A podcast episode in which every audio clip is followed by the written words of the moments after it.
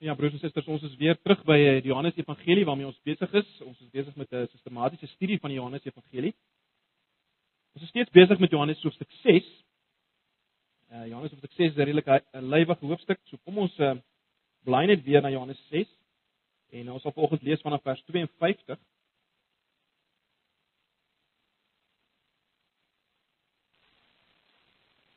As ons die Bybels oop het by Johannes 6 ons raak net stil vir die Here en ons vra dat hy ons wil praat met ons.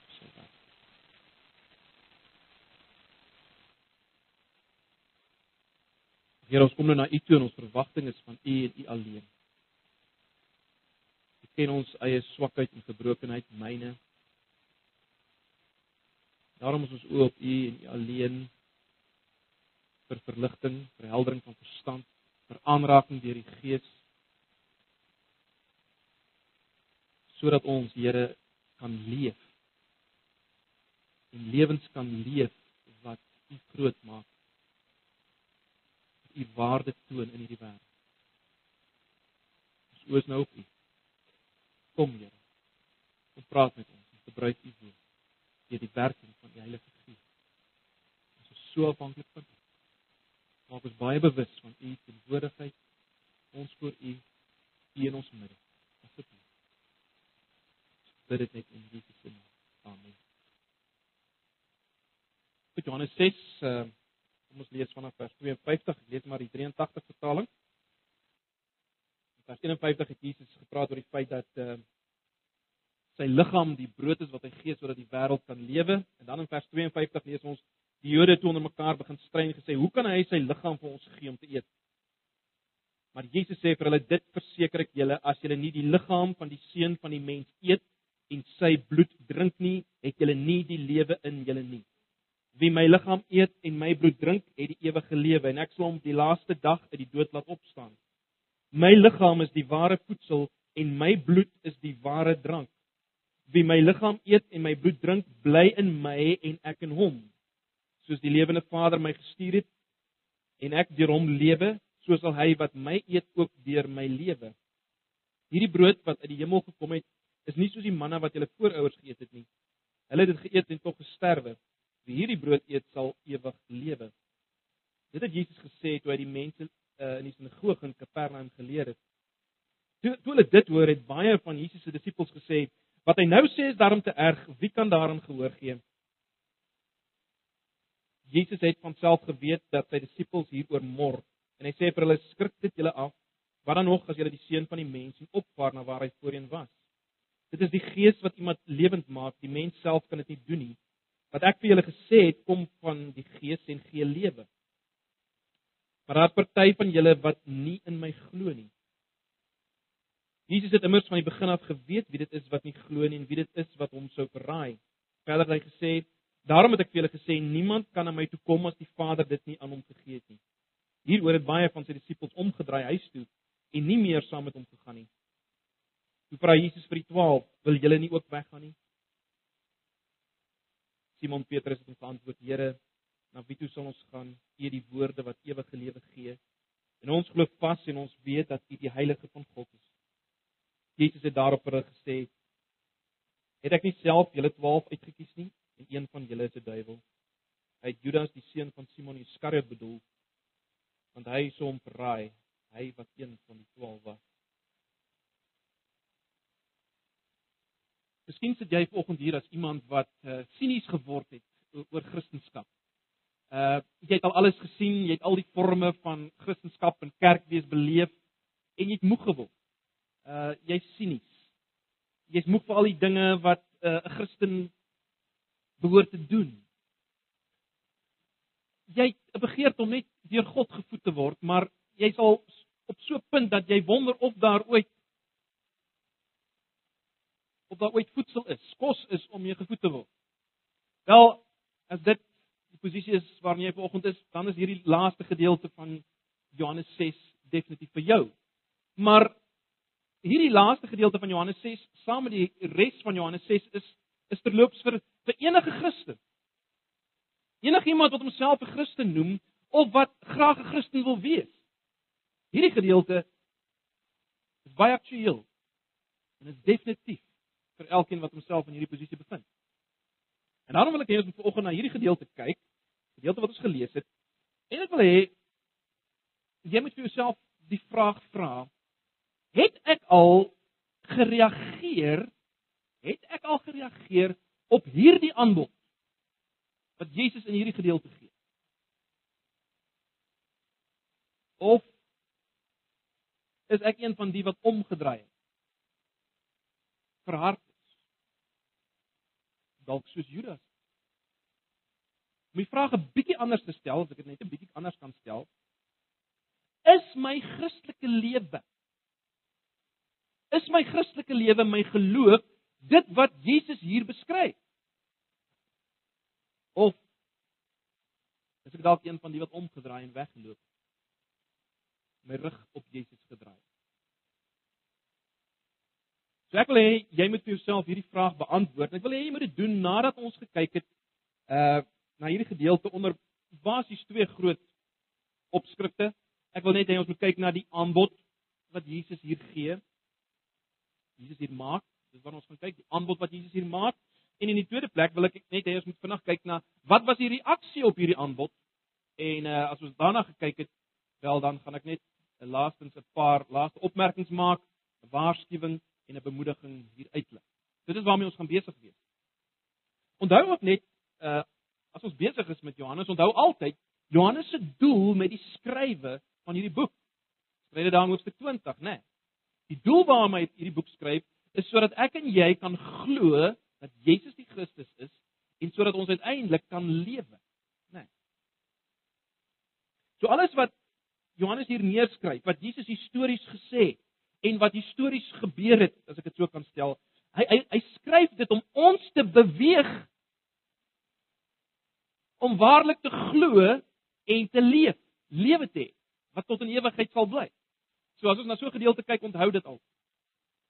So kom ons kyk nou in die eerste plek na die aanbod wat Jesus hier maak. Nou die essensie van die aanbod wat Jesus in vers 52 tot 58 maak, word negatief gestel in vers 53 en positief gestel in vers 54. Wil jy net kyk? Almal kyk vir my, julle moet in julle Bybels kyk. Dis wat dit is. Ek wil regtig hê julle moet my volg.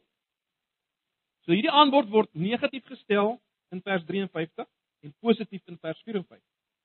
Kyk na vers 53. Kyk na vers 53. As julle nie die liggaam van die seun van die mens eet en sy bloed drink nie, het julle nie die lewe in julle nie. En dan vers 54. Wie my liggaam eet en my bloed drink, het die ewige lewe en ek sal hom op die laaste dag uit die dood laat opstaan. So, wat sê Jesus? As jy nie die vlees van die seun van die mens eet, die liggaam, sy liggaam eet en sy bloed drink nie, dan het jy nie die ewige lewe nie. Dis vers 53, vers 54 baie duidelik. As jy dit wel doen, as jy dit wel doen, wel dan het jy die ewige lewe en hy sal jou opwek op die laaste dag. So mense met ander woorde wat ons hier sien is dat om op Jesus te voet is baie duidelik die enigste manier om lewe te hê. Jy sien daar word geen ander moontlikheid gestel, geen ander pad nie. Dis die enigste manier om lewe te hê, lewe nou en lewe tot in ewigheid. En baie belangrik, let op net op. Hy sê nie wie my liggaam geëet het en wie my bloed gedrink het verlede tyd sal lewe nie. Dis dis die voortgaande tyd wat hy gebruik, né? Nee. In ander woorde, wie dit nou eet en drink voortgaande tyd sal lewe.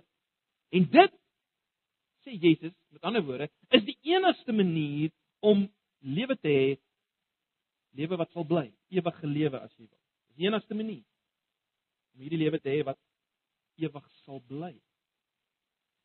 En nou kom Jesus in vers 55 en hy 56 en hy gee twee redes waarom dit so is. Waarom is dit die enigste manier om hierdie lewe te hê? Wel kyk na vers 55. Nou vers 55 in die oorspronklik begin met 'n want. Die van julle wat die 53 vertaling het, sal sien dit begin met 'n want. So kom ons sit maar die want by by die 83. Want vers 55, my liggaam is die ware voedsel en my bloed is die ware drank. Die klem wat Jesus lê op die ware voedsel of ware kos en ware drank beteken dat dit wat ons die die kos en die drank wat ons normaalweg gebruik, uh dit is nie die kos en die drank waarvan Jesus praat. En dit is nie die kos en die drank uh, wat uh wat ware lewe gee, die ewige lewe nie. Net Jesus is dit. Né? Nee. Dis wat hy sê. Net hy, net Jesus is die ware voedsel en die ware drank wat ware lewe gee. Die die waarna ons gewoond is. En dan in vers 56, dit was vers 55. Vers 56 uh kom gee nog 'n rede, verduidelik dit nog beter waarom net hy die lewe kan. Kyk na vers 56. Wie my liggaam eet en my bloed drink, bly in my en ek in hom. Geweldig, is dit? Wie my liggaam eet en my bloed drink, bly in my en ek in hom. So hierdie soort eet en drink beteken dat Jesus in ons is en ons in hom. In 'n woorde, hierdie eet en drink is die manier waarop ons so een word met Jesus Christus dat sy lewe as te ware vir ons lewe tel. Dis wat hy sê. 'n Geweldige eenwording, né? Nee. Dis hoekom ons ewige lewe het wanneer ons voet op Jesus. Sy lewe gaan in ons in en ons gaan in hom in. Dis wat hier staan. So daar's 'n eenheid wat ons deel maak van sy lewe en hom 'n deel maak van ons lewe. Ons word 'n deel van sy lewe, hy word 'n deel van ons lewe. En daar's geen lewe met ander woorde sonder hierdie eenheid met Jesus. Dis wat hy uitlig, né? Nee. En hy het uit die hemel gekom, eh, sê vers 38 en vers 50 om hierdie lewe vir ons te gee. Dis nou in die vorige gedeeltes, né? Nee. Broers en susters, wat ons sien al klaar hier is dat die Christelike lewe het alles te maak met 'n bewustelike eenheid met Jesus. 'n Bewustelike eenheid met Jesus, 'n voortgaande bewustelike eenheid weer en weer met Jesus. Dis waaroor dit hier gaan.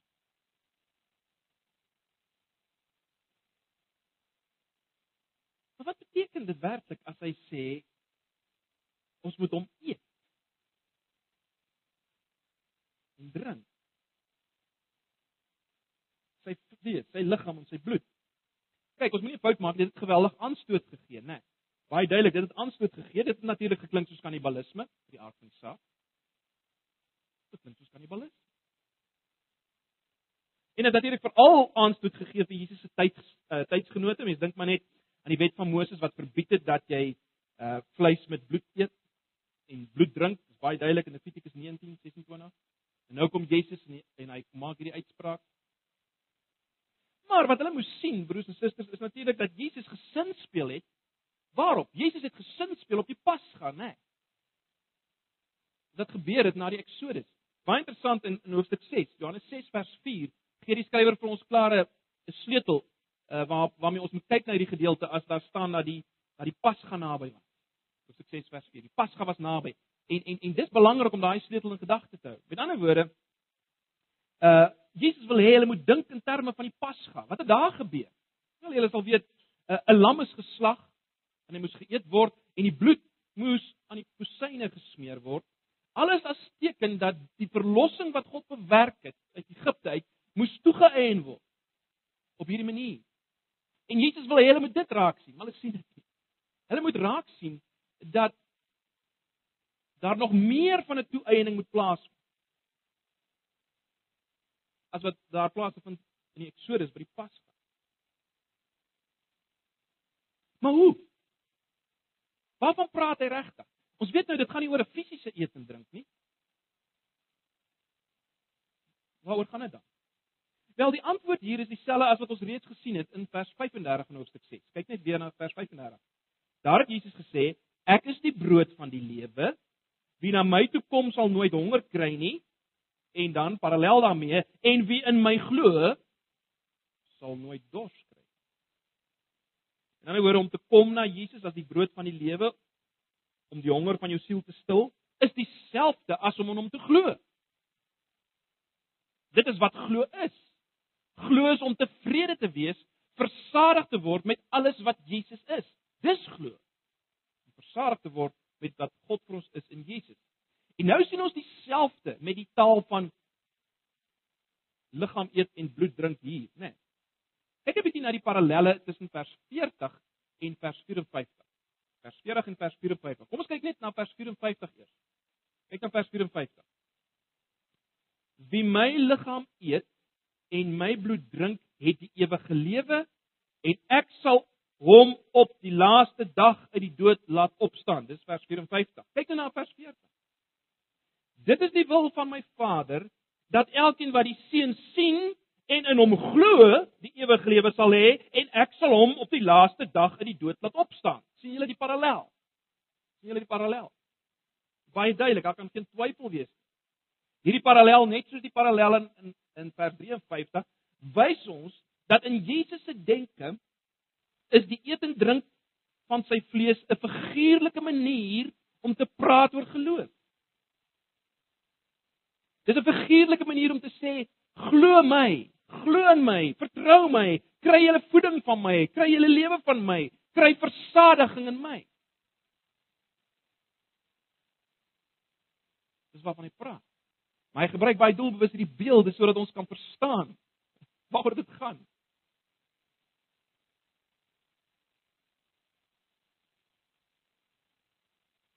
En dis die aanbod broers en susters dwars deur hierdie hoofstuk van begin tot einde. Dis die aanbod. Dit is ons nie die woorde wat gebruik word, nê. Nee. Enige een uh mag hierdie lewe kry as hulle Jesus ontvang, hom koester as skat. Uh versadig word met hom, met alles wat God vir ons is in hom. Hy gebruik die term wie ook al.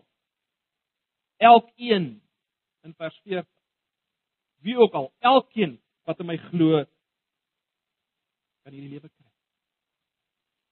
Elkeen. So geloof word hier beskryf. Baie belangrik dat ons geloof so sal verstaan in hierdie terme. Hierdie bewuslike eenwording versadiging terme is uiters belangrik. Maar ons kan nog meer spesifiek raak en Johannes uh, skryf hierdie dinge sodat ons nog meer spesifiek kan sien uh hoe dit moontlik kan wees dat Jesus ons die lewe kan gee, né? Nee. Weet ons vers 51 het hy die volgende gesê, hy het gesê hy, hy het gesê en die brood wat ek sal gee is my liggaam, ek gee dit sodat die wêreld kan lewe. En daar verwys hy na die gee van sy liggaam as 'n offer vir die wêreld, baie duidelik, né? Nee. Maar waar dit sê, hy praat van homself daar as 'n plaasvervangende offer. Hy gee sy liggaam sodat die wêreld kan lewe.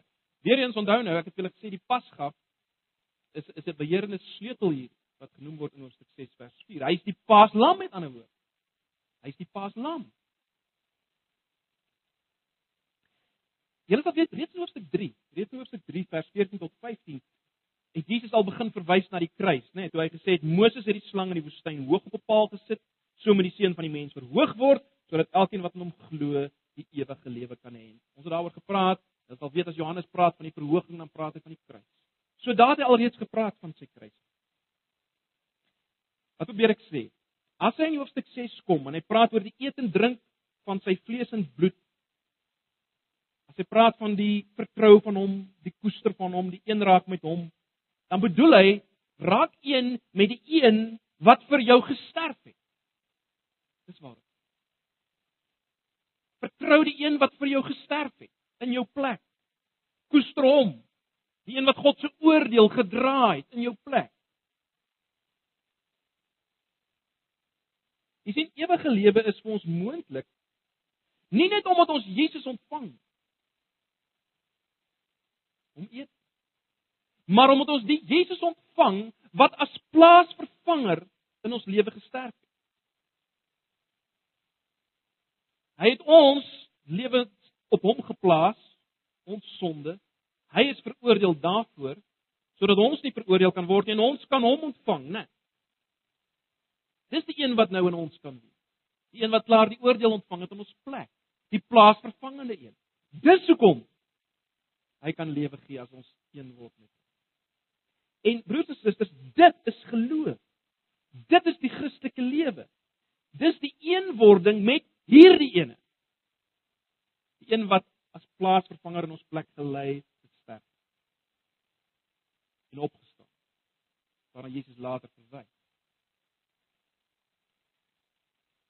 Dis die Christelike lewe. Eenwording met hierdie een wat vir ons gelei het in ons plek en dan die lewe wat daaruit voortvloei. Dit is die Christelike lewe. Die lewe wat dan hieruit voortvloei. Dis Christus, dis Christen. Dis die Christelike lewe, niks anders. Jy sien, hierdie het niks te maak met godsdiens. Dis nie dingetjies wat ons moet doen nie om te beïndruk. Jesus gaan nog verder, broers en susters, om om hierdie aanbod bietjie op 'n ander manier te, te, te verduidelik as te ware in vers 63. Kyk na vers 63.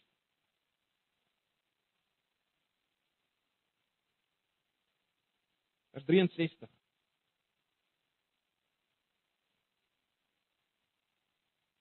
Jesus sê dit is die gees wat iemand lewend maak. Die mens self kan dit nie doen nie. Wat ek vir julle gesê het, kom van die gees en gee lewe. Kom ek lees net vir julle die 53 vertaling, die bietjie meer letterlik een. Dit is die gees wat lewend maak. Die vlees is van geen nut nie. Die woorde wat ek tot julle spreek is gees en is lewe.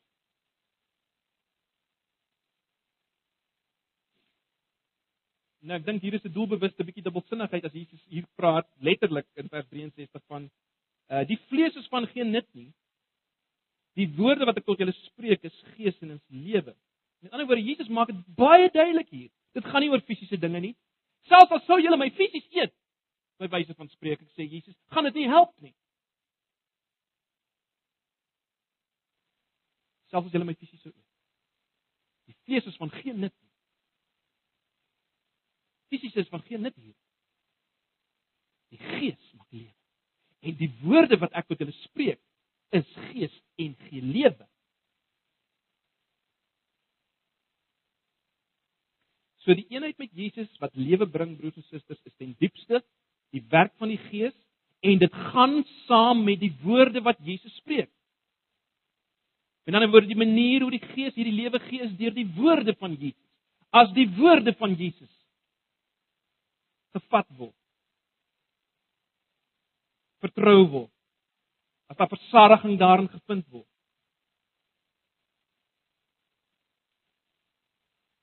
En dis geloof, en dis Christendom. Dit is onlosmaaklik van die werk van die Gees.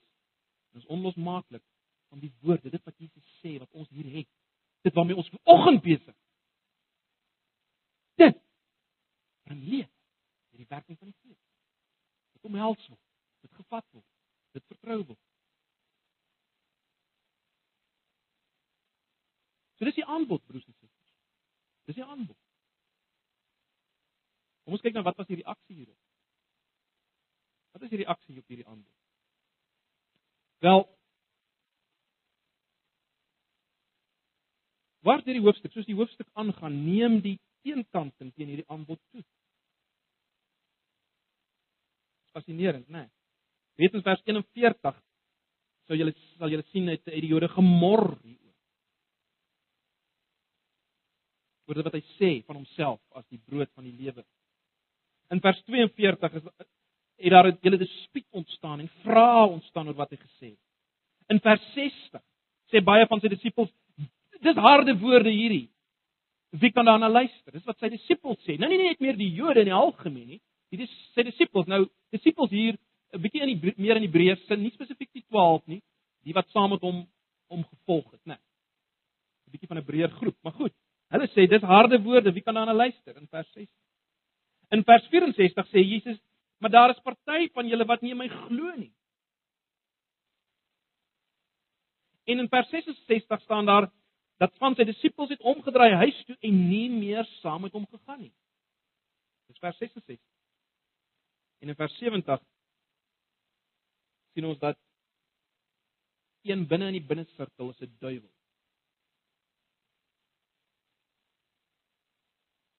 Waarom het hulle nie hierdie aanbod van Jesus aanvaar? En waarom is dit vandag nog so dat mense nie hierdie aanbod aanvaar nie? Waarom? Al weer eens, ons sien dit deur die hele hoofstuk, is dit nie? Sien dit deur die hele hoofstuk.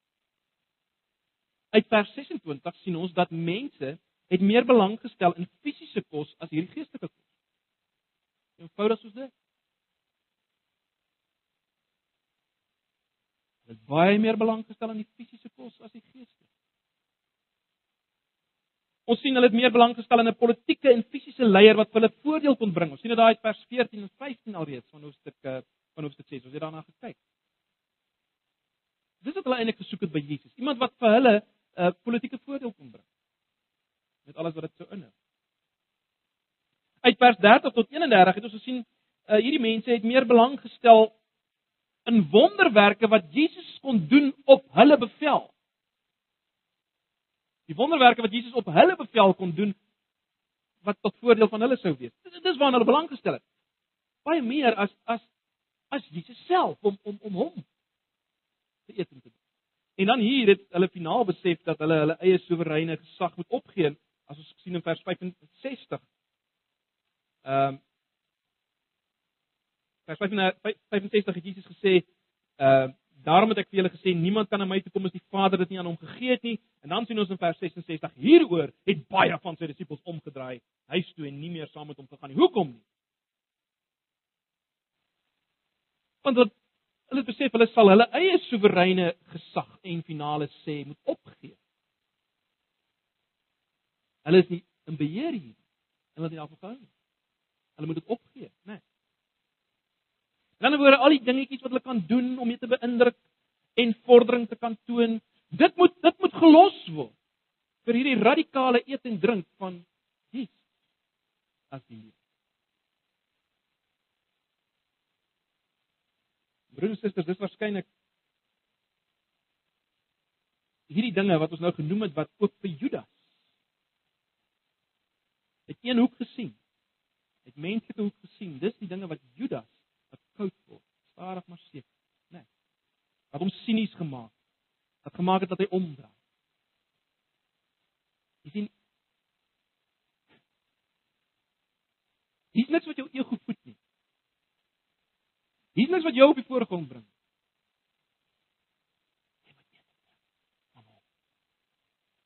Die mense hou nie. Kom ons sluit af. 'n Paar opmerkings waarskuwings en ook 'n bemoediging.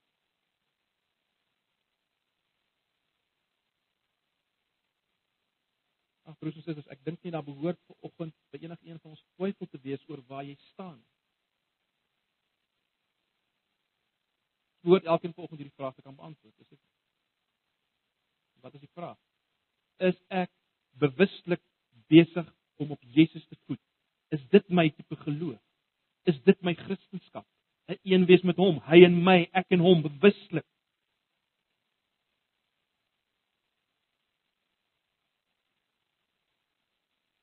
Ek besig met sy woorde op daardie manier om help ek dit? Vind ek versadiging daarin deur die werking van die Gees? Is iets daarvan, iets daarvan waar? Is dit my Christelike lewe en my belewing?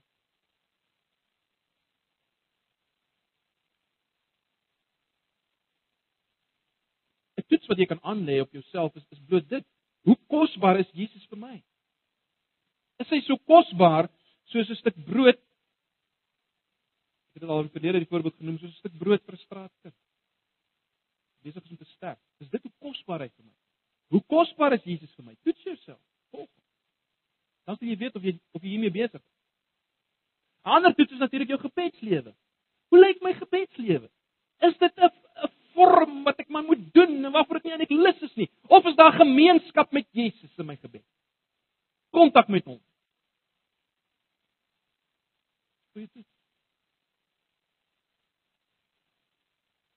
Nou die waarskuwing broers en susters is baie duidelik wat Johannes ons hier wil laat verstaan deur hierdie gedeelte op te teken. Hy wil baie duidelik vir ons laat verstaan dat dat hierdie geloof en hierdie eenheid met Jesus gee aanstoot en dit gee aanstoot tot in die binnekring van die wat op die oog af Jesus volg. Dit gee aanstoot. Dis wat hy ons wil uitlig. Dis die waarskuwing. Waarskuwing is jy kan saamloop met Jesus en aanstoot gee aan hierdie hierdie een word met. Hierdie eet en drink van hom. En is vandag nog so. Mense gebruik baie slim argumente in godsdienstige taal om uh, om hulle wegvlug van Jesus, hulle omdraai van Jesus as te ware uh te verduidelik. Dit is baie dinge wat sê word. Ag. Daar's ouens wat baie mooi argument van gebruik soos 'n Christen wees het nie baie met gevoel te maak nie, sien? Maar hierdie eet en drink broers en susters, het alles met gevoel te maak. Met belewing van hom. Dit klink vroom. Of ja, geloof is is is, is net vir die wat wat aan hierdie groep behoort of daardie groep wat so en so leerstellig korrek sê dis nie waaroor dit gaan nie. Dis vir elkeen wat hom eet en drink. Dan is daar weer ander wat wil sê wel, onthou net uh wat belangrik is is is, is dat daar wonders moet plaasvind anderste dis nie waaroor dit gaan nie. Maar Jesus self. Hy wat geëet en gedrink het. Ag en so kan ons aangaan. So kan ons aangaan. Om dit miskien 'n bietjie anders te stel, broers en susters, Jesus se oproep hier gee aanstoot aan aan almal wat nog fisies, aards en selfgesentreerd dink oor Christendom. Dit gee aanstoot aan almal wat nog fisies, aards en selfgesentreerd dink aan Christendom. Punt. Die aanstoot. Dan word dit wat nog dink oor oor Christendom en kerkwees en hierdie dinge uh in terme van wat dit vir hulle kan bied sodat hulle meer op die voorgrond kan kom. Hoe dit hulle posisie kan verbeter, of dalk hulle gesondheid kan verbeter. En dit wat aanskoulik is. Hulle wil nog hê Jesus moet groot dinge vir hulle doen. Let op, net selfgesentreerd. Hy moet groot dinge vir my doen. Nee. Oproep van Jesus is Eet en drink my. Plaas vervangende een in jou plek. En dit is jou daaglikse lewe. Broers en susters, die realiteit is dat dat daar sommige van ons is wat dalk bewuslik aanstoot van Jesus neem. Wat sit ons hier? Dalk onbewus. Dalk onbewus. Dalk jy reeds sinies geword oor oor dit wat hy hier sê. Wat Jesus volgens ons vra is dit wat hy in vers 67 vra. Kyk na vers 67. Hy vra Jesus vir die 12. Wil julle nie ook weggaan nie?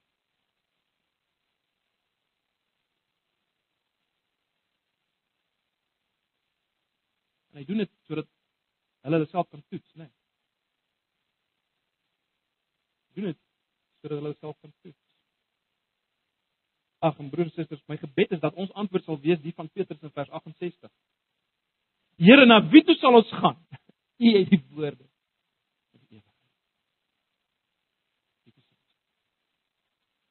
As dit jou hartsgebed is, as dit jou ingestel vir oggend is, dan dan dan is daar aanduiding dat jy besig is met die ware artikel, ek weet nie. Here na Petrus. U. U. Sluit net af met 'n laaste bemoediging. Onthou net. As jy so na Jesus gekom het en jy voet so op Jesus, wel is omdat die Vader jou getrek het. Net wou jy kan goed voel. Ek kyk na vers 65 net vers 65 verder het hy gesê daarom het ek julle gesê niemand kan na my toe kom as die Vader dit nie aan hom gegee het nie as jy gekom het as jy eet en drink van hom dis omdat die Vader dit aan jou gegee het. Jy kan nie goed voel daaroor nie. Niks om op trots te wees nie niks om op te roem teenoor die volgende persoon nie. Alles genade aan, aan hom al die lof nê. Maar is tog 'n wonderlike wonderlike bemoediging. Want dit beteken ook in die lig van wat ons al in die vorige gedeeltes gesien het dat niemand hom uit jou uh niemand jou uit sy hand sal ruk nie. Jy sien, as jy self maar net besluit om te kom en jy sommer net op jouself eie besluit, dis is eintlik net alles lê by jou. Dis hoekom kom jy nou eet en drink, dit kom van jou af, dan dan is daar die moontlikheid dat dat dat hy sy rug op jou kan draai, maar maar nee. Dis hy. Kom van hom. Dis baie duidelik uit vers 65. Wat 'n bemoediging. Hy sê jy nooit los. Christus is hy se beheer.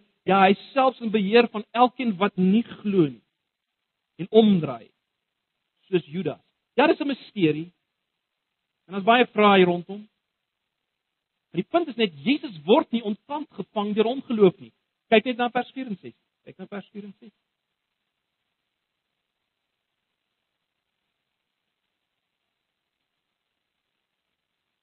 Maar daar's party van julle wat nie in my glo nie, sê Jesus. En dan lees ons: Jesus het immers van die begin af geweet wie dit is wat nie glo nie en wie dit is wat hom sou verraai.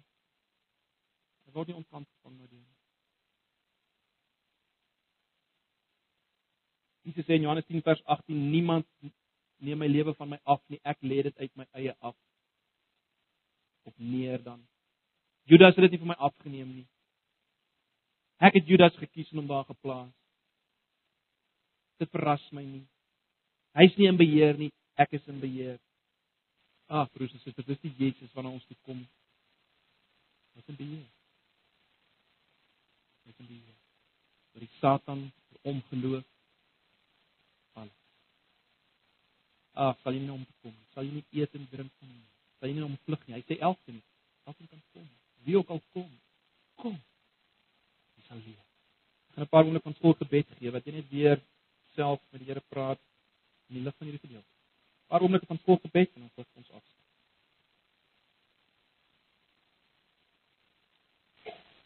Ag Heerlike Here Jesus, ek kom net in hierdie oggend vir U sê nou wie kan ek sien? Hier die woorde van die ewige lewe. Daar's niks buite U nie.